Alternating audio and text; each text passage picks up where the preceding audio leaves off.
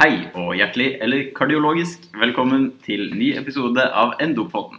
I denne episoden tar vi deg med på en tur i Gland Roveren vår, mens vi snakker om en problemstilling som er ganske vanlig i klinisk praksis.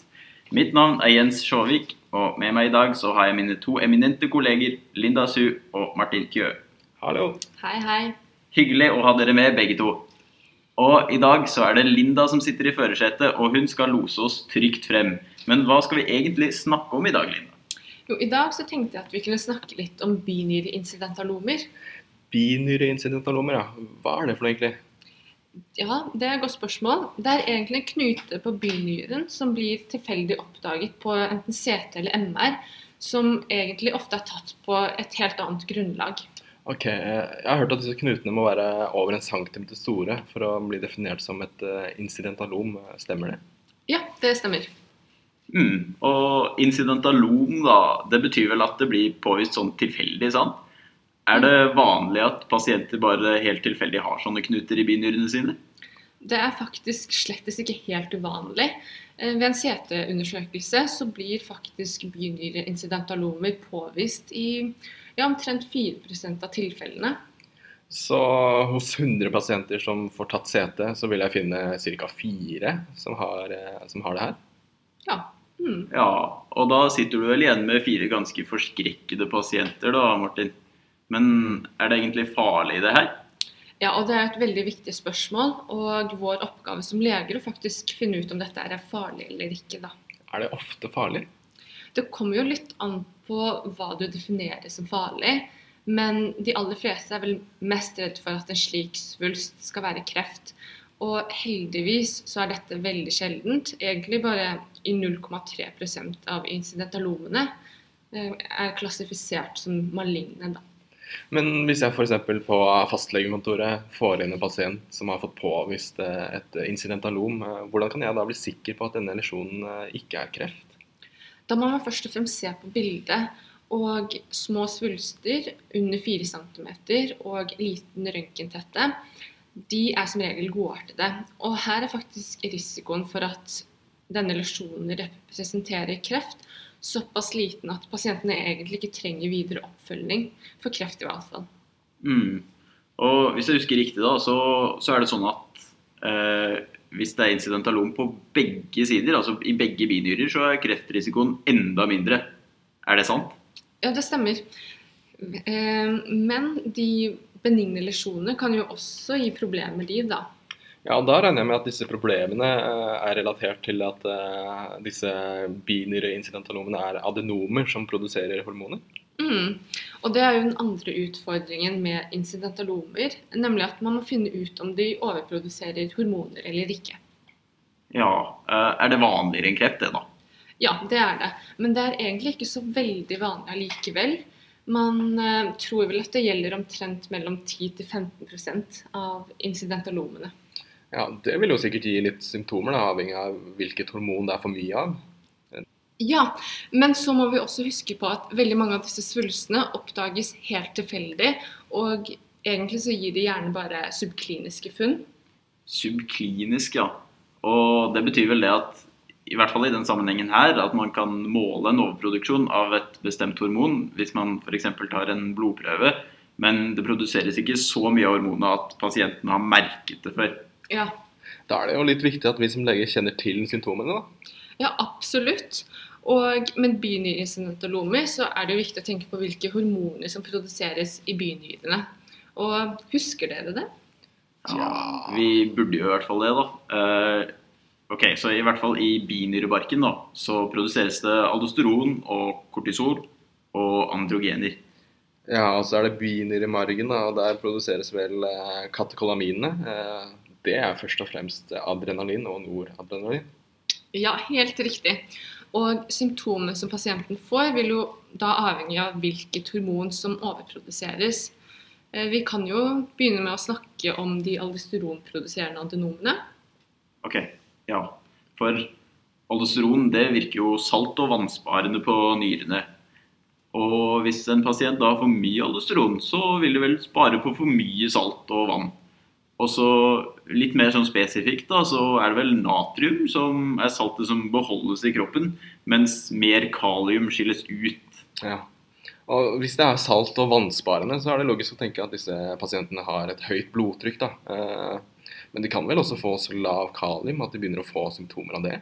Ja, det kan de. Og lave kaliumverdier de gir jo typisk symptomer som muskelsvakhet, hodepine og hjerterytmeforstyrrelser.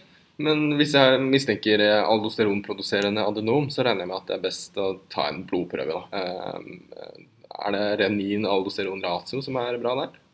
Ja, det, det er jeg enig i. Det høres fornuftig ut. Og så bør man vel slenge på elektrolytter da, også i blodprøvebestillingen. Ja. Da vet vi jo litt om eh, aldosteronproduserende adenomer. Da. Symptomene er altså først og fremst høyt blodtrykk, og hvis det blir veldig mye aldosteron, blir pasienten hypokalemisk. Mhm. Og så gjelder det å ta blodprøver med renin, aldosteron, ratio og elektrolytter. Ja, nei, men dere er jo flinke, så jeg kan jo fortsette å teste dere litt. Så hva om jeg sier feokromosytom? Feokromosytom, ja, det er jo sikkert en knute som gir eh, forhøyde verdier av eh, adrenalin og noradrenalin. Ja, sånn fight or flight-hormoner, da, sant? sånn at man får en hyperaktivering av kroppen. Ja. Med med typiske symptomer som eh, f.eks. hjertebank, eh, høyt blodtrykk kanskje, og litt svette, svettetokter. Eh, Kroppen er i hvert fall i beredskap, tror jeg. Ja, men man kan, kroppen er vel ikke i beredskap hele tiden, vel? Ja. Da hadde vel pasienten gått til lege for lenge siden. Eh, symptomene kommer vel sånn anfallsvis. Ja, men hva ville dere ha gjort da, hvis, eh, hvis dere har en pasient der dere mistenker et feokromocytom? Tipper jeg ville tatt en blodprøve. Altså. Eh, Jeg tror jeg hadde tatt en eh, adrenalin og noradrenalin i blod, f.eks. Ja, nesten. ja. Altså både adrenalin og noradrenalin har jo veldig kort halveringstid. Så man pleier heller egentlig å måle nedbrytningsproduktene, som kalles for metanefriner. Ja, riktig. Og, så hvis man da finner et incidentalom hos en pasient som har høyt blodtrykk og sånn eh, anfallssymptomer da, som hjertebank og mye svette, så går vi videre med måling av metanefriner i plasma. Mm, det stemmer. Så ja, skal vi ta oss og gå litt videre på de kortisolproduserende incidentalomene, da. Så hva tenker dere er det som typisk kjennetegner disse? For mye kortisol gir jo det som kalles Cushing syndrom. Eh, Man går gjerne opp i vekt, og mye av dette legger seg på magen. Og i ansiktet til og med. Eh, Pasientene får det vi kaller en en moonface, eller måneansikt. Ja, Moonface, ja, det, det husker jeg jo. Også, også buffalo neck, sant? med litt ekstra polstring i nakken. Ja, stemmer. Og andre typiske funn hos disse pasientene er jo også at de får stria på magen, høyt blodsukker, eh, de har lett for å få blåmerker og høyt blodtrykk. Apropos eh, Buffalo Neck, eh, har dere hørt om endokrinkirurgen som tok med alle Cushing-pasientene sine hjem? Nei? Han var skikkelig cowboy. Men hva gjør man dersom man har en pasient eh, med binyreinsidentalom og et utseende sånn som det her, med moonface og Ja, da tenker jeg at det er viktig å tenke på en, å mistenke en overproduksjon av kortisol. Så da må man få tatt blodprøver der en måler serum ACTH og kortisol. Hmm. Ok, så det var kortisol, da. Eh, men fins det incidentalomer som produserer for mye androgener også? Men disse er vel, ganske sjeldne, og klinisk så er de mye lettere å oppdage hos kvinner som typisk får mer mannlige trekk. Mm, mannlige trekk, sånn hirsutisme, da. sant? Med dypere stemme og mer hår rundt omkring på kroppen og sånn. Mm, det stemmer. Da har vi grei oversikt over eh, utredning av incidentalomer, da. Eh, Men når, jeg lurer på når er det man skal behandle dette her, egentlig? Vel, det avhenger jo litt eh, om det er mistanke om kreft, eller om incidentalomet produserer hormoner eller ikke. Men uansett så vil de store incidentalomene enten følges opp med nye bilder, eller så kan det også fjernes kirurgisk. Mm, og med størrelsen, da, så, så tenker du vel på de eh, incidentalomene som blir så store at de begynner å presse på andre viktige strukturer i nærheten, da. Ja, stemmer.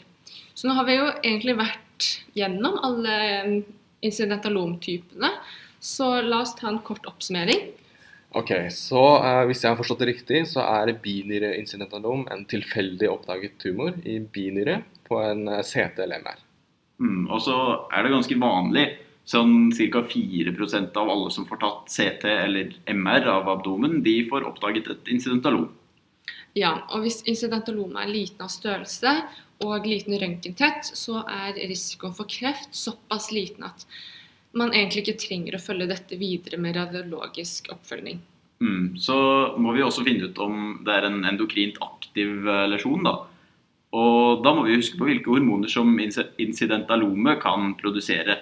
Nemlig aldosteron og kortisol og androgener og katekolaminer. Og så gjør vel eh, endokrinologen en klinisk vurdering, og så er det sikkert fornuftig å uansett måle aldosteron og renin med tanke på hyperaldosteronisme, ACTH og kortisol med tanke på Cushing, eh, og metanefrine med tanke på feokromocytom. Var det alt?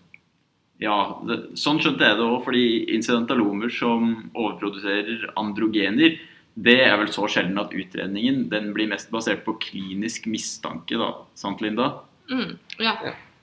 Da tror jeg vi har gått gjennom uh, hva man skal gjøre med disse isinetalomene. Det, ja, det tror jeg også. Så håper jeg at dere har lært litt om binyreincidentalomer i dag, da. Absolutt. Mm. Ja, men så flott. Ja, skal vi ta så avslutte da med en liten endovits? Ja. Det kan vi godt gjøre. em, for det er jo denne historien om, eh, om hypofysen som var på tur. Eh, han skulle ta med seg eh, sin kompis Binerbarken på denne turen. Eh, og der skulle han lufte ideen om å skulle holde et standup-show da i fremtiden. Men dette var jo helt håpløst, fordi han fikk jo bare negativ feedback. Å, den var god. Den er god. Takk, takk. Ok, ja, tusen takk for i dag. Takk for i dag.